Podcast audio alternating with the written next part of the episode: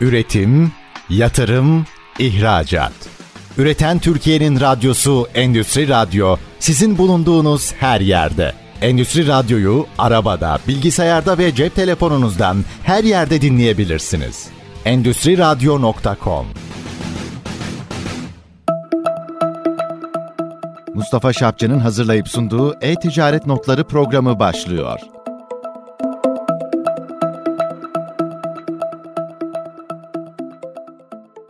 Üreten Türkiye'nin radyosu ST Endüstri Radyo'da bir e-ticaret notları programında beraberiz diyerek başlıyorum programa. Bu arada ilk başta bir uyarım var. Şöyle ki havalardaki değişiklik, iklim değişikliği bizi çok ciddi şekilde etkiliyor ve dolayısıyla kış aylarına doğru giderken nezle, grip mevsimi de açıldı. Bu nedenle sizlere tavsiyem, acizane tavsiyem maske takarak toplu taşım araçlarına binin. Özellikle belli bir yaştan sonra olan ve kronik hastalıklara sahip olanların maske kullanmasını doktorlar zorunlu kılıyorlar. Efendim çok zaman hızlı geçmiş ben farkında değilim.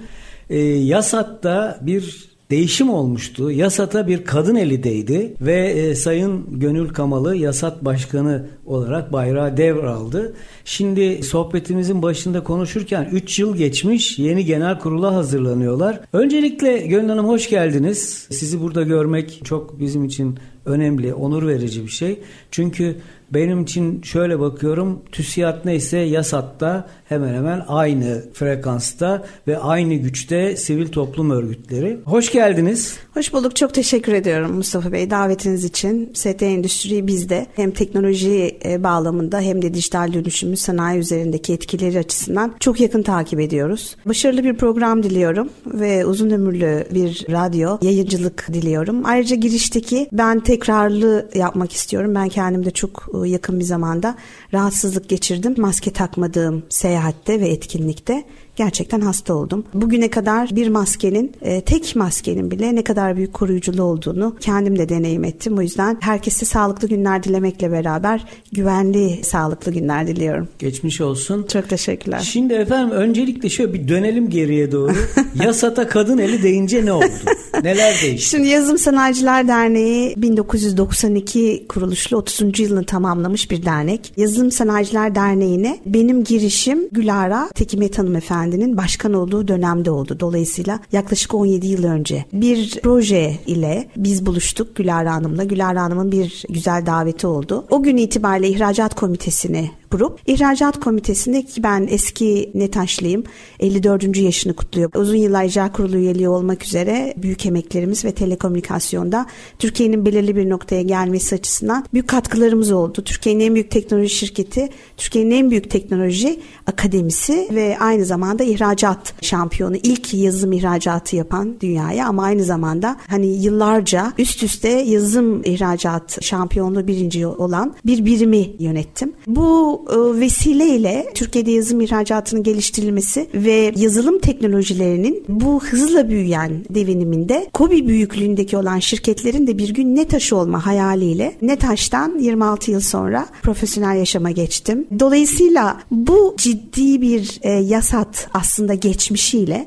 ve bu uzun yıllar içerisindeki bir kadın başkanla başlayıp dolayısıyla ilk kadın başkan ben değilim Sanayiciler Derneği'nde. Oradan aldığımız el ile arka plandaki uzun yıllar profesyonel yaşamdaki e, bu ciddi başarılara imza atan birisi olarak Türkiye'deki yazılım sanayinin büyümesi, şirketlerin büyütülmesi, yazılım akademisinin bir Türkiye çapında gerçekleşmesi için çalışmalar yapmak üzere bayrağı devraldım. Bu dönem içerisinde tabii ki çok iş yapmamız gerekiyor mu diye çok fazla hem biraz mizansen biraz da hani yüklerimiz çok ağır eleştirilerini aldım. Ama biz çok hızlı büyüyen bir sanayiyiz. Dünya üzerinde hızlı bir büyüyen e, teknolojik alan yazılım sanayi. Donanımdan yazılıma geçen büyük bir dönüşüm var dijital tarafta ve bu sahada Türk gençliğinin potansiyelini realize etmek ve bizim gibi gelişmekte olan ülkeler için bu yeni dünyada yer alabilmek için de bir o kadar çok şeyi aynı anda yapmak ve bir yerlere doğru koşmak gerekiyor. Dolayısıyla çocuklarımızın geleceği e, ve hepimizin, ülkemizin bir kalkınma ekonomisi halinde yazılım sanayiyi içselleştirebilmesi için de bu dönemi bu heyecan ve bu motivasyonla değerlendirdik. Büyük organizasyonlara geçtik. Kamu tarafında çok ciddi adımlar attık. Teşviklerde hem şirketlerin büyüme potansiyelinin ve kapasitesinin arttırılması ama bir o kadar ARGE faaliyetlerinin ticaretleştirilebilmesi, rahatın önünün açılması ve sıçrama etkisi yaratacak A-Tour Quality gibi projeleri aynı zamanda biliyorsunuz pandemiyle beraber uzaktan çalışma ve onun etkilerini derin yaşadığımız dönemde fırsata çevirmek amacıyla da %75'e 25 uzaktan çalışma gibi Sanayi ve Teknoloji Bakanlığımız nezdinde çok büyük adımlar attık. Tüm bunlarla beraber geçmiş dönemde başlattığımız 1 milyon yazılımcı projesi felsefe ve tavsiye olarak uzun yıllardır hayalini kurduğumuz bir programdı. Ben Maliye ve Hazine Bakanlığımızın sahipliliğiyle beraber hayata geçirmesinde hem çok büyük destekçisi olduk. Bugün itibariyle gururla söylüyorum ki 1 milyon yazılımcıdan istihdama dönen bir e, proje niteliğinde isim değiştiren projede 1 milyon 40 bin gencimiz bu eğitimlerden faydalanmış ve sertifika almaya hak kazanmış bir statüdedir. Dolayısıyla bundan 3 yıl önce bir hayal olarak bahsedilen 1 milyon yazılımcıya ulaşmak, 1 milyon yazılım ve dijital dönüşüm üzerinde çalışabilecek tekniker seviyesinde e, farklı yetkinliklerdeki kaynağı yaratma projesi bugün itibariyle 3 yıl gibi bir kısa bir süre içerisinde aslında bu hayalini katılımcılarıyla gerçekleştirdi. Bu büyük bir gururdur. Evet efendim. Ben bu 3 yıl içerisindeki hem ihracattaki atılımı ve Ticaret Bakanlığımız nezdinde büyük organizasyonlar da yerini buldu. Yani İhracatçılar Birliği, genel sekreterlikler, genel müdürlükler tüm bu sıçramayı devlet kurumları tarafında sahiplenecek olan kurumsal yapının da oluşmasıyla Milli Teknolojiler Genel Müdürlüğü, Dijital Dönüşüm Ofisi, ee, ve Hazine ve Maliye Bakanlığımızın arka plandaki tüm mevzuatlarla ilgili bu kapabilitesi ve bir genel müdürlüğü 1 milyon istihdama e, ayırmış olması gerçekten e, bence başarılarımızın en büyüğü ve bundan sonra bizim hayalini kuracağımız yeni Türkiye'nin de aslında ne diyeyim imzası. Peki bu 1 milyon 40 bin kişi sektörün içerisinde şu anda dolaşıyor mu çalışıyor 222 mu? bin kişisi bu 1 milyon sertifika programının şu anda istihdam edilmiş durumda. Şimdi proje e, çok geniş bir ekosistem. Bu ekosistemin içerisinde Türk yazılım sanayinin kendi sertifikalarını da üretme, kendi akademilerini yani büyük ve küçük ölçekli şirketlerin kendi akademi programlarının bir başka yansımasını da bu programın altında konumlandırma fırsatları var. Dolayısıyla bildiğimiz büyük yazılım şirketlerimizin, markalı yazılım şirketlerimizin %50'sinden fazlası bu programın içerisinde zaten bir iştirakçı konumunda. Hem bu akademide derslerini veren hem bu akademiden o derslerin sonucundaki sertifika programında ihtiyacı olan istihdamı karşılayan kurumlar. Bir de kendi akademileri olmayan ama e, akademi ihtiyacı olan arka plandaki şirketlerimiz için de çok büyük bir fırsat. Dolayısıyla işte çok büyümekte olan yazılım robotları konusu, yazılım robotları e, çok hızlı büyüyen bu dijital dünyadaki otomasyon öncesi tüm şirketler için, tüm sektörler için çok önemli bir yazılım altyapısı ve no code, low code dediğimiz belirli sistematiklere dayanıyor. Dolayısıyla 4 yıllık yazılımcı yetiştirme programlarına ihtiyacı olmayan ama belirli sektörel bilgiye sahip ve belirli dikeylerde uzmanlık gerektiren belirli alanlara konsantre bir program ile aynı alanda yazılımcı yetiştirebilecek programlar e, mevcut. Dolayısıyla artık yıldızı parlayan ve Türk yazılım sanayide yeni alan olarak açılan robotik, hardcore donanımdan ziyade yazılım teknolojileriyle bir otomasyon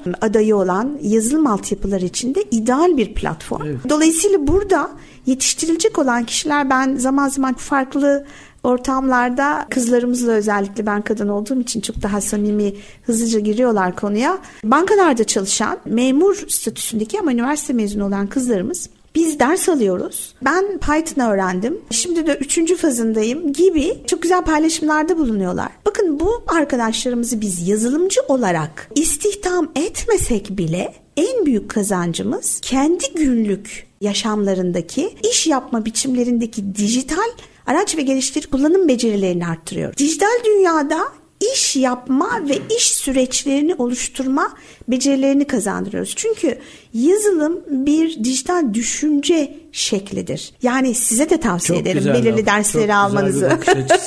o yüzden dijital dünyadaki düşünce ve inovasyon yaratma ve yolunu bulma pratiklerini oluşturmak için bir yazılımcı gibi düşünme yollarını açan her türlü eğitim gelecek dünyamızda çok kıymetli.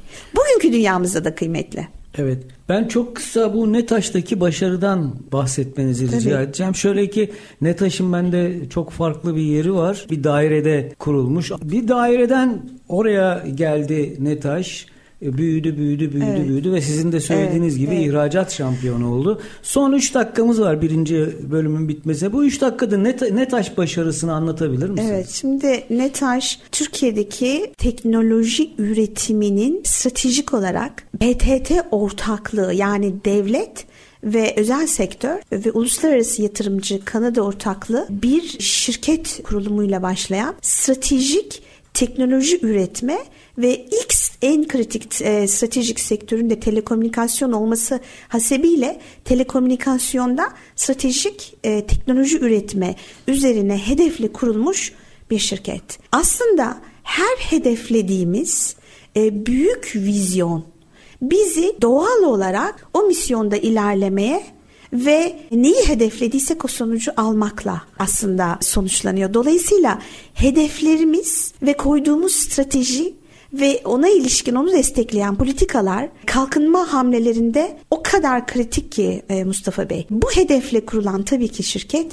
Türkiye'nin dev telekomünikasyon şirketi sonra bir Information Technologies and Telecommunication şeklinde Türkiye'nin 54 yaşındaki en uzun soluklu ve Türkiye'ye teknoloji öğretmiş, teknoloji üretimini öğretmiş, Türkiye'nin en büyük ARGE merkezini kurmuş ve bizleri yetiştirmiş çok değerli uluslararası işbirliği. Neyi hedeflerseniz ona kavuşuyorsunuz. Dolayısıyla bizim hedeflerimiz bir başka yarı yılda hakikaten en az bunun kadar büyük. Türkiye'nin hakkı nice nice netaşların yaratılması. Evet. Bu hedefle ilerliyoruz. Evet.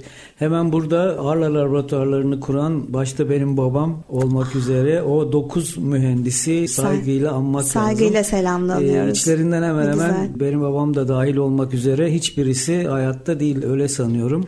Ben Hepsi de vefat 26. etti. ARGE mühendisi olarak başladım. Teknoloji üretiminde yazılım üretici tarafında ve hayatımın çok büyük bir kısmını bugünkü deneyimlerimi, başarılarımı gerçekten NETAŞ'ta oluşturduğum bilgi ve deneyim birikimine borçluyum. Evet. Herkesi Ne- Netaş'ın- saygıyla anıyoruz. NETAŞ'ın tam önünde bir otobüs durağı var. Adı Arla. Araştırma Laboratuvarları. Araştırma Orada laboratuvarı. geçenlerde ben otobüse binerken iki tane çocuk konuşuyor diye. Arla ne demek falan filan diye. Oturdum anlattım Arla'nın ne olduğunu.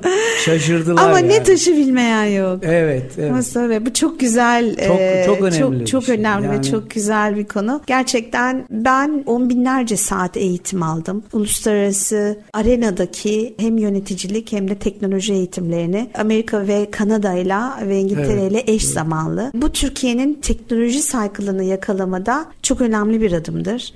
Uluslararası işbirlikleri çok değerli olduğu kadar teknolojiyi yakından takip etmek ve yaratmak hem kullanmak hem de araştırma gelişme faaliyetleriyle üretmek bir o kadar önemli. Evet Kanadalılar da bu arada bizden çok şey öğrendi. Yani ben, ben babamın arkadaşlarıyla sohbetlerinden biliyorum.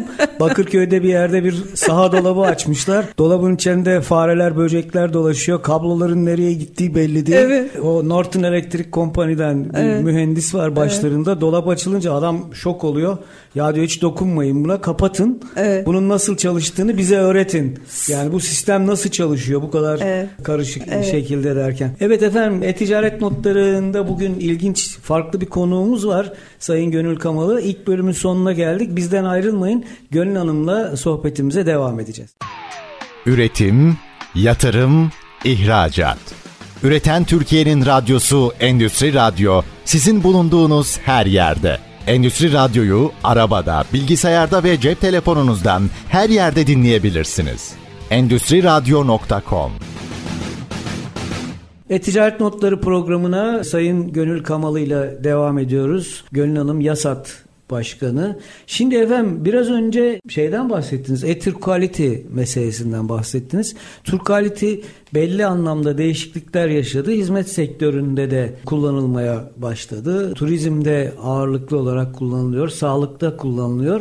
Şimdi yazılımda da var. Nasıl ortaya çıktı bu? Nasıl bir çaba sarf edildi de E-Türk kalite ortaya çıktı? Evet. Şimdi Türk Quality programı bu arada Türkiye'nin markalarının uluslararası platformlarda marka bilinirliği haline gelmesini sağlayan çok önemli bir inisiyatif. İnisiyatif sayesinde bugün Arçelik Vestel Avrupa'da ilk üçte, dünyada ilk onda yer alan beyaz eşya pazarındaki çok büyük markalarımızla beraber kahve dünyasından mavi cinse kadar çok farklı alanlarda mal ve hizmet üzerine Türk Quality destekleriyle Türk markaları ve Türk inisiyatifleri uluslararası pazarlarda yerini buldu ve marka bilinirliği sağladı. Şimdi yazılım sektörü maalesef hani ezber bozan hem iş yapma biçimiyle hem bir üretim hem bir ürün hem bunun arkasında verilen hizmet gibi farklı alanlarda Türk kapsamına baktığınızda da belirli bir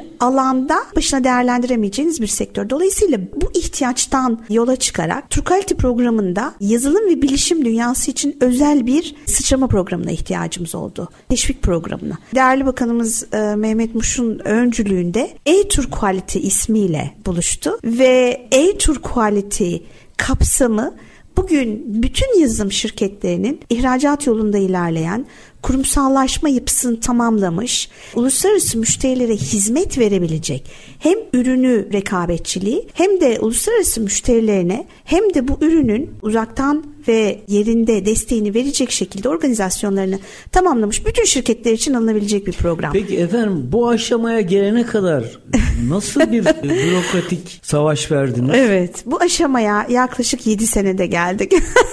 ben de zaman zaman 3 bakanla birlikte e, çalışma fırsatımız oldu. Ben bütün bakanlarımıza buradan e, Ticaret ve Ekonomi Bakanlarımıza teşekkür ediyorum. Her birisinin farklı kilometre taşı ve desteği vardır. E, ama yazılım sanayinin bir sanayi olarak e, kabul, edilmesi. kabul edilmesi, anlaşılması, bunun hizmet modelinin ve aynı zamanda ürün modelinin anlaşılması inanın bana pandemiye denk geldi. Yani o kadar çok yazılım araç ve gerici kullanıldı ki bu dönemde hem ihtiyaç hem de nasıl bir kalkan ve güç olduğu bu dönem içerisinde anlaşıldı. Ciddi yani bir patlama yaşandı. Evet, zaten. ciddi bir patlama, ciddi bir ihtiyaç, ciddi bir buluşma, ciddi bir kullanma ve dolayısıyla entelektüel yaşamımızda böyle bir yeni sanayinin herkes için anlamı ve değeri daha iyi anlaşıldı. Ama bu sadece Şimdi, bizde değil, bütün dünyada böyle Tabii bütün oldu. dünyada böyle. Ve dünyadaki diğer yazılımla uğraşan şirketler bizim yazılımcıları da bu arada çaldı. Ama bizim ürünlerimizi de kullanmaya gönüllü oldu. Biz de yurt dışındaki ürünleri kullanırken yerli muadillerini de tanıştırma fırsatı bulduk.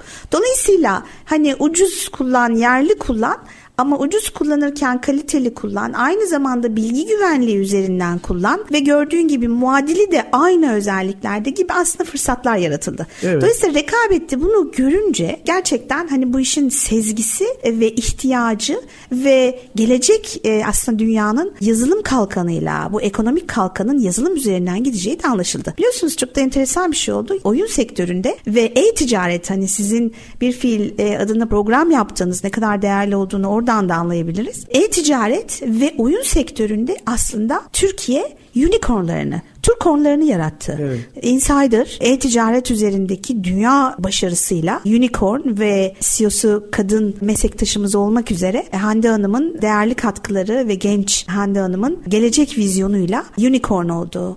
Peak Games ve diğer işte Getir, Trendyol şirketlerimiz aynı zamanda bu hacimden milyar dolarlık şirketler olması şekliyle aslında tamamen yazılım altyapısına dayalı bir dünyayı ve bu dünyanın milyar dolarlarla kısa bir süre içerisinde ekonomik değer ile adlandırılacağını bize gösterdi. Şimdi tüm bunlar aslında ihtiyacı ve Türkiye'nin nasıl bir yazılım ihracatı sıçraması yapma potansiyelinin olduğunu da gösterdi. Evet. Yani aslında bütün indikatörler burayı doğru gösterince e-Tur Quality hızlıca yerini buldu ve bugün e-Tur Quality'nin ay ve ay biz çok farklı platformlarda tanıtımlarını tabana yansımasını bütün şirketlerimizin ihracat gönüllüsü olmasını ihracat gönüllüsü olan ve bu yola baş koyan tecrübe etmiş bütün şirketlerin de Etrukalite sertifikası almasını istiyoruz. Yani bu bir bilişim yıldızları aşamalı bir program. Turkalite sertifikası almasanız dahi siz bu programın farklı boyutlarda şirketinizin içerisinde bütün ihracat kalemlerinizin %50'den başlamak suretiyle desteğini devletten alabilirsiniz. Bu desteği verme sebebimiz ihracata giriş, ihracatta tutunma, ihracatta kapasite artışı, aynı zamanda ihracatta sıçrama etkisi. Biz var olan yatırımları şirketlerin yapmalarını devam etmelerini istiyoruz. Bunun üzerine bir kat büyürken kendi sermayeleriyle e-Turkualite desteğiyle dört kat büyümelerinin yolunu açıyoruz. Dolayısıyla gün bugündür dünya üzerinde yazılımlar her sektörde hayli geniş kullanılıyor ve yazılımın menşei sorulmuyor. Yani made in Turkey, made in India, made in China, made in US gibi bir tanım ve sorgulama yok. Son derece beğenenmiler, son derece uluslararası reprezentasyonu markanızla alakalı bir dünyada kendimize bir avantaj yaratmak bu kadar yakın bir dönemdeyiz. Evet, işe yarasın, kullanılsın, ihtiyaca cevap versin ama menşei ne olursa olsun menşei dünya Öyle üzerinde bakılmıyor. Dolayısıyla hangi ülkeden yaratıldığınız bakın bir yatırımcıya açılan şirket açısından da bir ürününü Avrupa'da herhangi bir yerden satmaya başlayan bir şirketin de ARGE merkeziniz nerededir sorusu Yok, sorulmuyor sorun, hiçbir evet, ihalede. Evet, evet.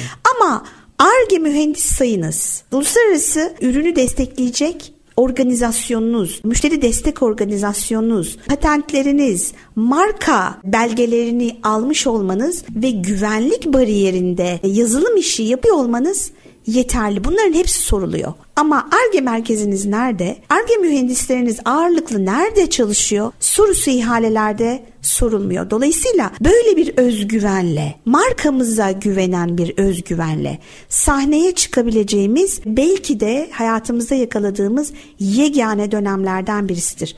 Bu dönemi Türk gençliği ve Türk genç yazılım şirketleri için ve bu kadar deneyimli 50 yıllık 30 yıllık şirketlere sahip bir ülkemizde kapasitesini zaten belirli bir noktaya getirmiş şirketlerimiz için gerçekten büyük bir potansiyel açılmış durumda dünya üzerinde. Peki efendim yasak bu e-Türk ve diğer e-ihracat konusunda ya da efendim işte Türkiye İhracatçılar Meclisi ile olan ilişkilerde bir köprü görevi tabii, yapıyor mu? Bir tabii. danışmanlık hizmeti veriyor mu? Tabii. Şimdi biz İhracatçılar Birliği bugün Bilişim ve Yazılım Komitesi e, ni temsil ediyoruz. Ben de yönetim kurulumuzun yarı üyesi zaten Yazılım ve Bilişim Komitesi'nin aynı zamanda üyeleri. Hizmet İhracatçılar Birliği'nin de yönetim kurulunda iki tane temsilcimiz var. Dolayısıyla biz Hizmet İhracatçılar Birliği ile son derece inorganik gözükmesine rağmen organik bir çalışma içerisindeyiz. Yaptığımız ihracat, yazılım odaklı ihracat strateji ve politikalarını birlikte yürütüyoruz ve bu politikaların sahaya indirilmesi ve üyeler tarafından bir bilgi ve deneyim olarak aktarılması konusunda e, büyük faaliyetler faaliyetler yapıyoruz. En hızlı büyüyen, Hizmet İhracatçılar Birliği altında en hızlı büyüyen alan 11 tane sektörel temsilciliği vardır. Yazım ve bilişim tarafı şu anda iyi. 1100 üyesiyle 3000 üyeli Hizmet İhracatçılar Birliği'nin en büyük grubudur. İleri vadeli de olgunluğunu tamamladığında, organizasyonel olgunluğunu ve üye sayısını tamamladığında ilgili ihracat rakamlarına geldiğinde de kendi İhracatçılar Birliği'ni kuruyor olacak. Şimdi bununla beraber e, Türkiye'de yalnız yazım sanayiciler Derneği olarak değil, Türkiye Odalar ve Borsalar Birliği e, Yazılım Meclisi, hı hı. şu anda kurulacak inşallah olan İstanbul Sanayi Odası'ndaki sanayi odalarındaki yazılım meclisleri, gittikçe ticaret odalarındaki yazılım meclisleri, yazılımcıları temsil eden sanayi ve ticaretin içerisinde artık söz sahibi yapan yere geliyor. Tüm bu e, kuruluşların aynı zamanda öncüsü ve destekçisiyiz. Peki efendim hemen burada sormam gereken bir soru var. Buyurun. Son günlerde böyle özel sohbetlerimizde, telefon konuşmalarımızda ve yazılım sektöründen, daha doğrusu bilişim sektöründen karşılaştığımız önde gelen insanlarla ortaya çıkan bir sonuç var. Belki siz de buna şahit olmuşsunuzdur. Sektör aslında bir bilişim bakanlığı istiyor. Evet, Evet.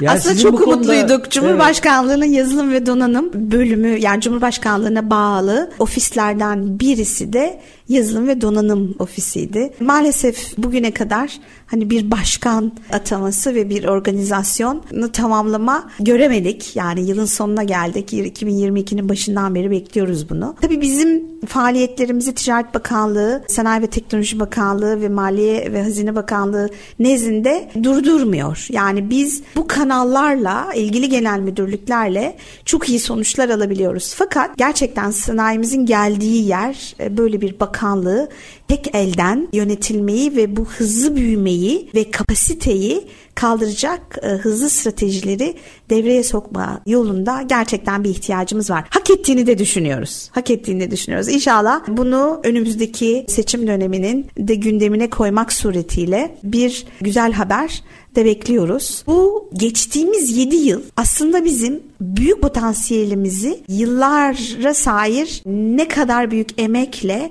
realize edemediğimizi gösteriyor. Yani bir Türk Quality programının 7 e, yıl gibi bir süre aşarak bu noktaya ve böyle bir Çok sıçrama önemli. etkisiyle evet, getirilebiliyor evet. olması hem 7 yıl açısından kaybedilmiş bir zaman bugün kazancımız olarak değerlendirdiğimiz konunun aslında bu farklı bakanlıklarla yürütmek zorunda kaldığımız faaliyetinde ne kadar yavaş yürüdüğünü gösteriyor. İnşallah önümüzdeki günlerde bu güzel haberleri de alıyor olacağız. Evet Türkiye'nin kaderi bu. Bürokrasi içerisinde hemen hemen her dönemde boğulup kalıyoruz. Bürokratlar biraz daha hassas düşünüyorlar diyeyim. Onları aşmak biraz zor. Şimdi dolayısıyla bizim de hep Yazım Sanayiciler Derneği içerisinde şöyle bir şey vardır, gelenek vardır. Yani bir başkanın iki dönem üst üste yapması ancak bir konuyu tamamlıyor diye. Hani bu da aslında bu yavaşlıktan kaynaklanıyor evet. ve kurulan kurumsal ilişkilerin ne kadar uzun vadede kurulabildiğini ve sonuç alabilmek için onun bir başka yıllara ihtiyacı olduğunu gösteriyor.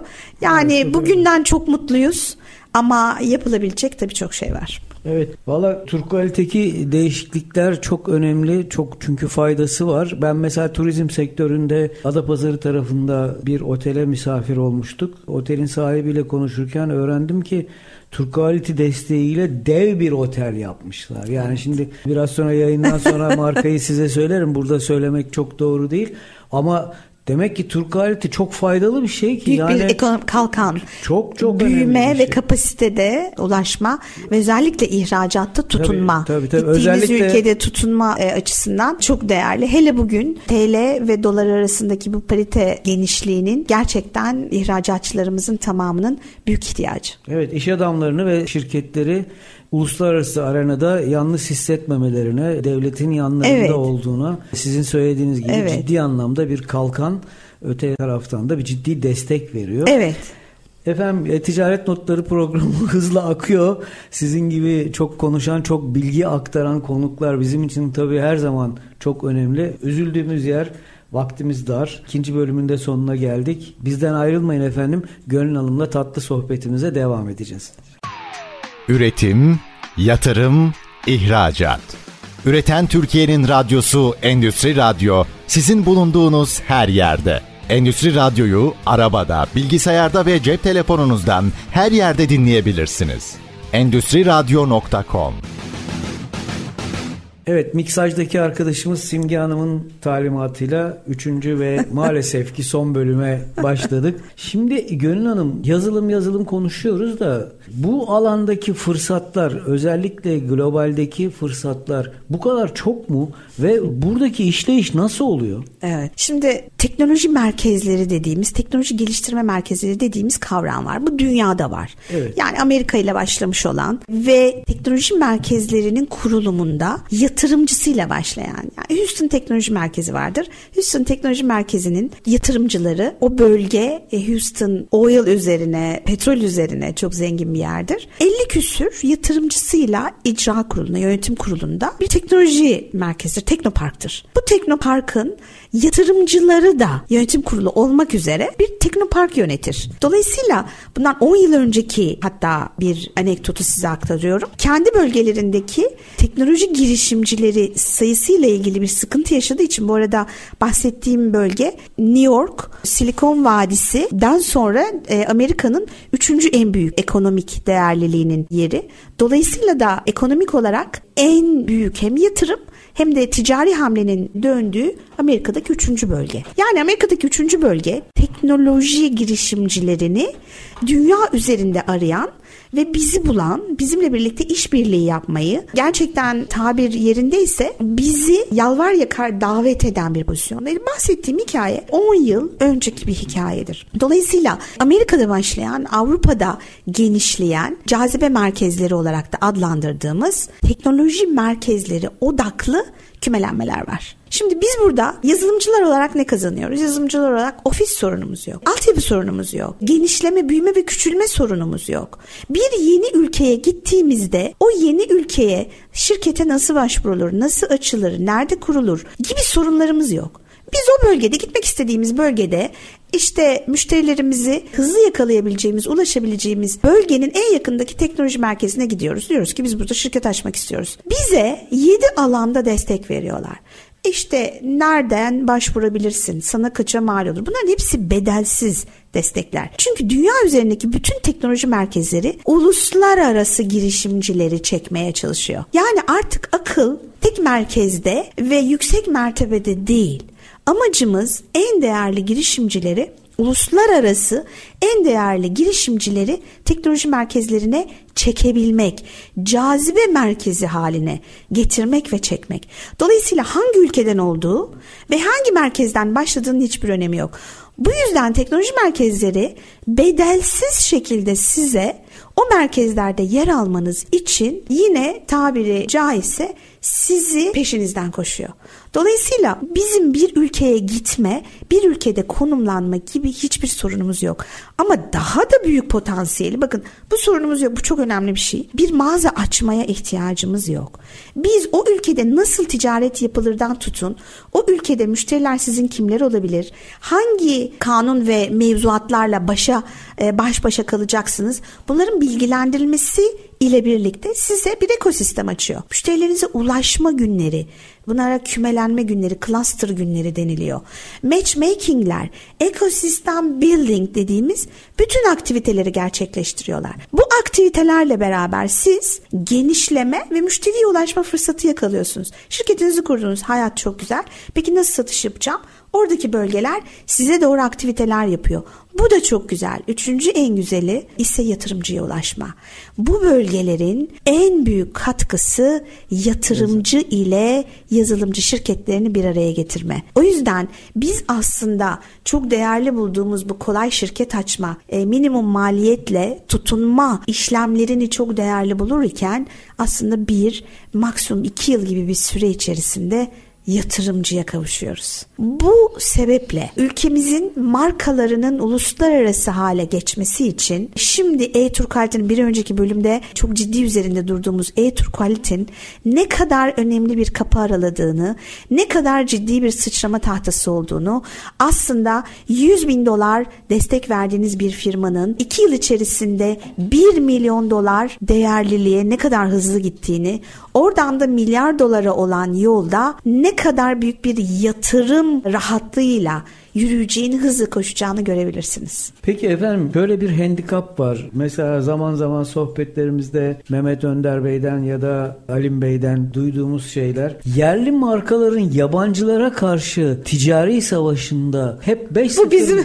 mağlup mu başlıyoruz? Bu bizim Türkiye sorunumuz. Biz bu dönemde kamuya satış, kamuda desel olarak satın almaların arttırılması savaşını 20 yıl sonra terk ettik. Çünkü ne derler?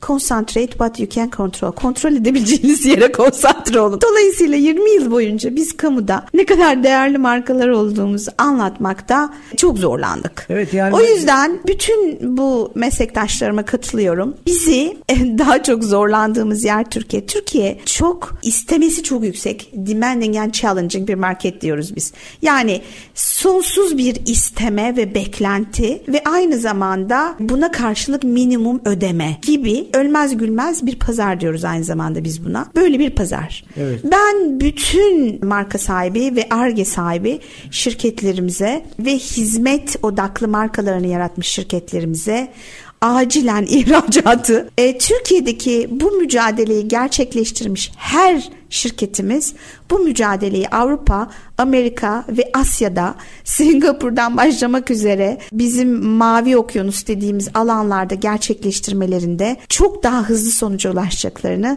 ve çok daha iyi ekonomik kazanımlarla yatırım alacaklarını garanti ediyorum.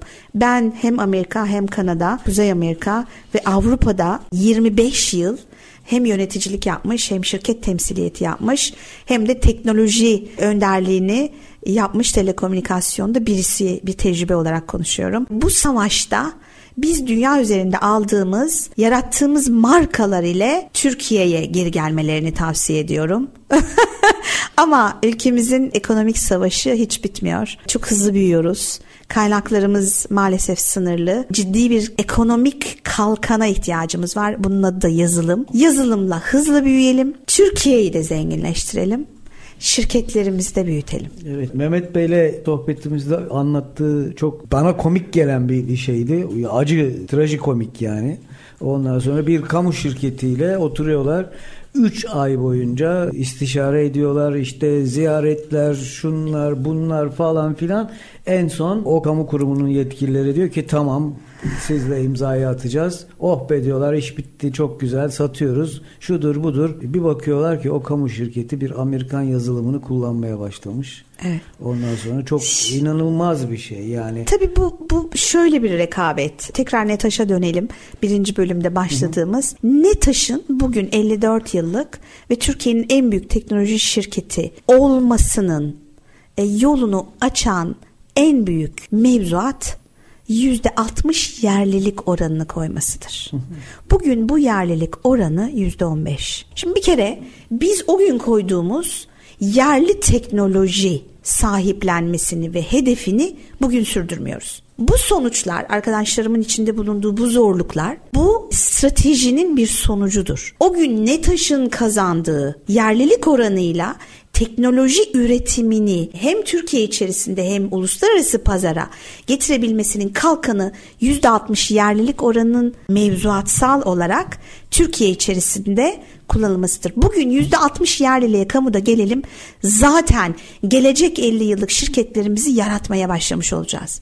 O yüzden benim buradan mesajım, büyük mesajım küçük değişimler çok büyük sonuçları oluşturuyor. Bugün o gün lazım olan %60 bugün hala devam ediyor. Güney Kore'nin dünya üzerinde yarattığı başarı, Çin'in dünya üzerinde yarattığı teknolojik başarı, Apple'a karşı yürüttükleri, Samsung'un dünyanın diğer devlerine karşı yürütmüş olduğu bu mücadelede en büyük destek yerlilik ve yerli teknoloji üretiminin önünü açan zorunluluklardan ibarettir. Evet. Bunun acil olarak yeniden %60'a diğer başarı öyküleri yaratmış ülkelerin örnek model alınarak acilen devreye sokulması gerekiyor. Evet şimdi şu yurt dışına yazılım satma zorunluluğumuzu anlatalım. Neden zorunluyuz biz yurt dışına yazılım? Neden e-ihracat yapmak zorundayız? Neden ya? Neden yazılım ihracatı yapmak zorundayız? Şimdi bugün ülkemizde pazar sınırlı ve sığ. Yani pazarın büyüme hızı, pazarın ekonomik gücüyle alakalı. Bugün e, bir yazılım şirketimizin yerli pazarda mücadelesi fiyat ve performans üzerine. Bahsettiğimiz fiyat TL üzerinden ve satın alma gücüyle alakalı ve yatırım gücüyle alakalı. Şimdi ekonomik iniş ve çıkışlara son derece hassas ve yalnızca belirli bir kilometre kare üzerine kurduğunuz ticari model sizi bu ülkenin problemleriyle iniş ve çıkışlarıyla baş başa bırakır. Oysa ki yazım sanayi bir önceki yine e, bölümde anlattığımız gibi menşei yok. Kimse size argenizi nerede ürettiniz diye sormuyor. Markanızı nereden yarattınız diye sormuyor. Sizin Avrupa'da sattığınız, Kuzey Amerika'da satmaya çalıştığınız, Asya'da satmaya çalıştığınız hiçbir satın almacı referanslarınızı soruyor. Evet ilk üç referansı yaratmak kolay olmaz.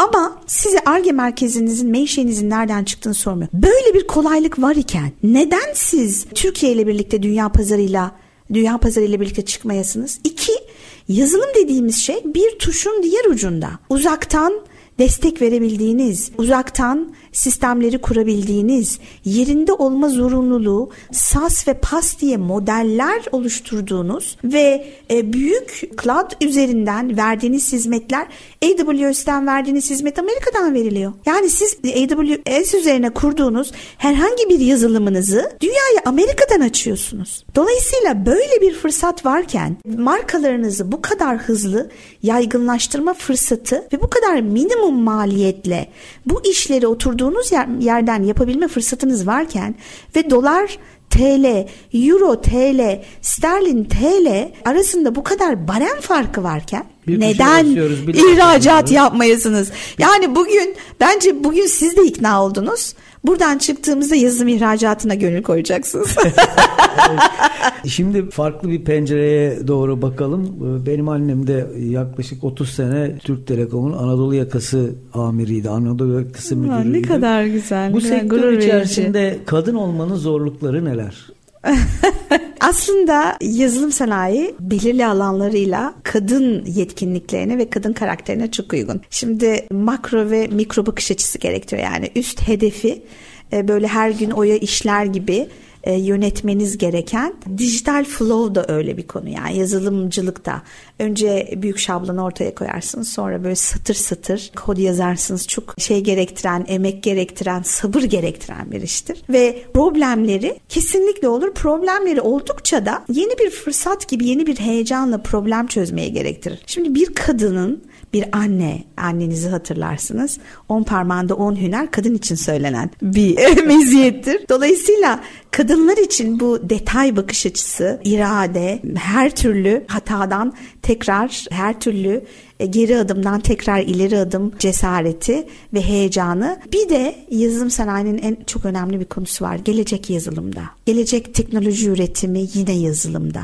Bu yüzden biz anneler olarak, kadınlar olarak ailesinin geleceğini, çocukların geleceğini garanti almak, altına almak isteyen, belki de dünyadaki bu sahiplenmeyi hani tüm memeliler olarak baktığımızda sezgisel olarak içinde genetik kodlarında yaşayan bireyleriz. O yüzden gelecek bizimle. Peki efendim çok teşekkür ederiz. Sayın Yasat Başkanı e, Gönül Kamalı hanımefendiye bize değerli bilgiler aktardı. Sayın dinleyicilerim ben Mustafa Şapçı sizlere iyi bir hafta diliyorum. Bol kazançlı, helal kazançlı, güzel günlerde ve uzun yazılımlarda buluşmak üzere. Sevgiler görüşmek üzere teşekkürler.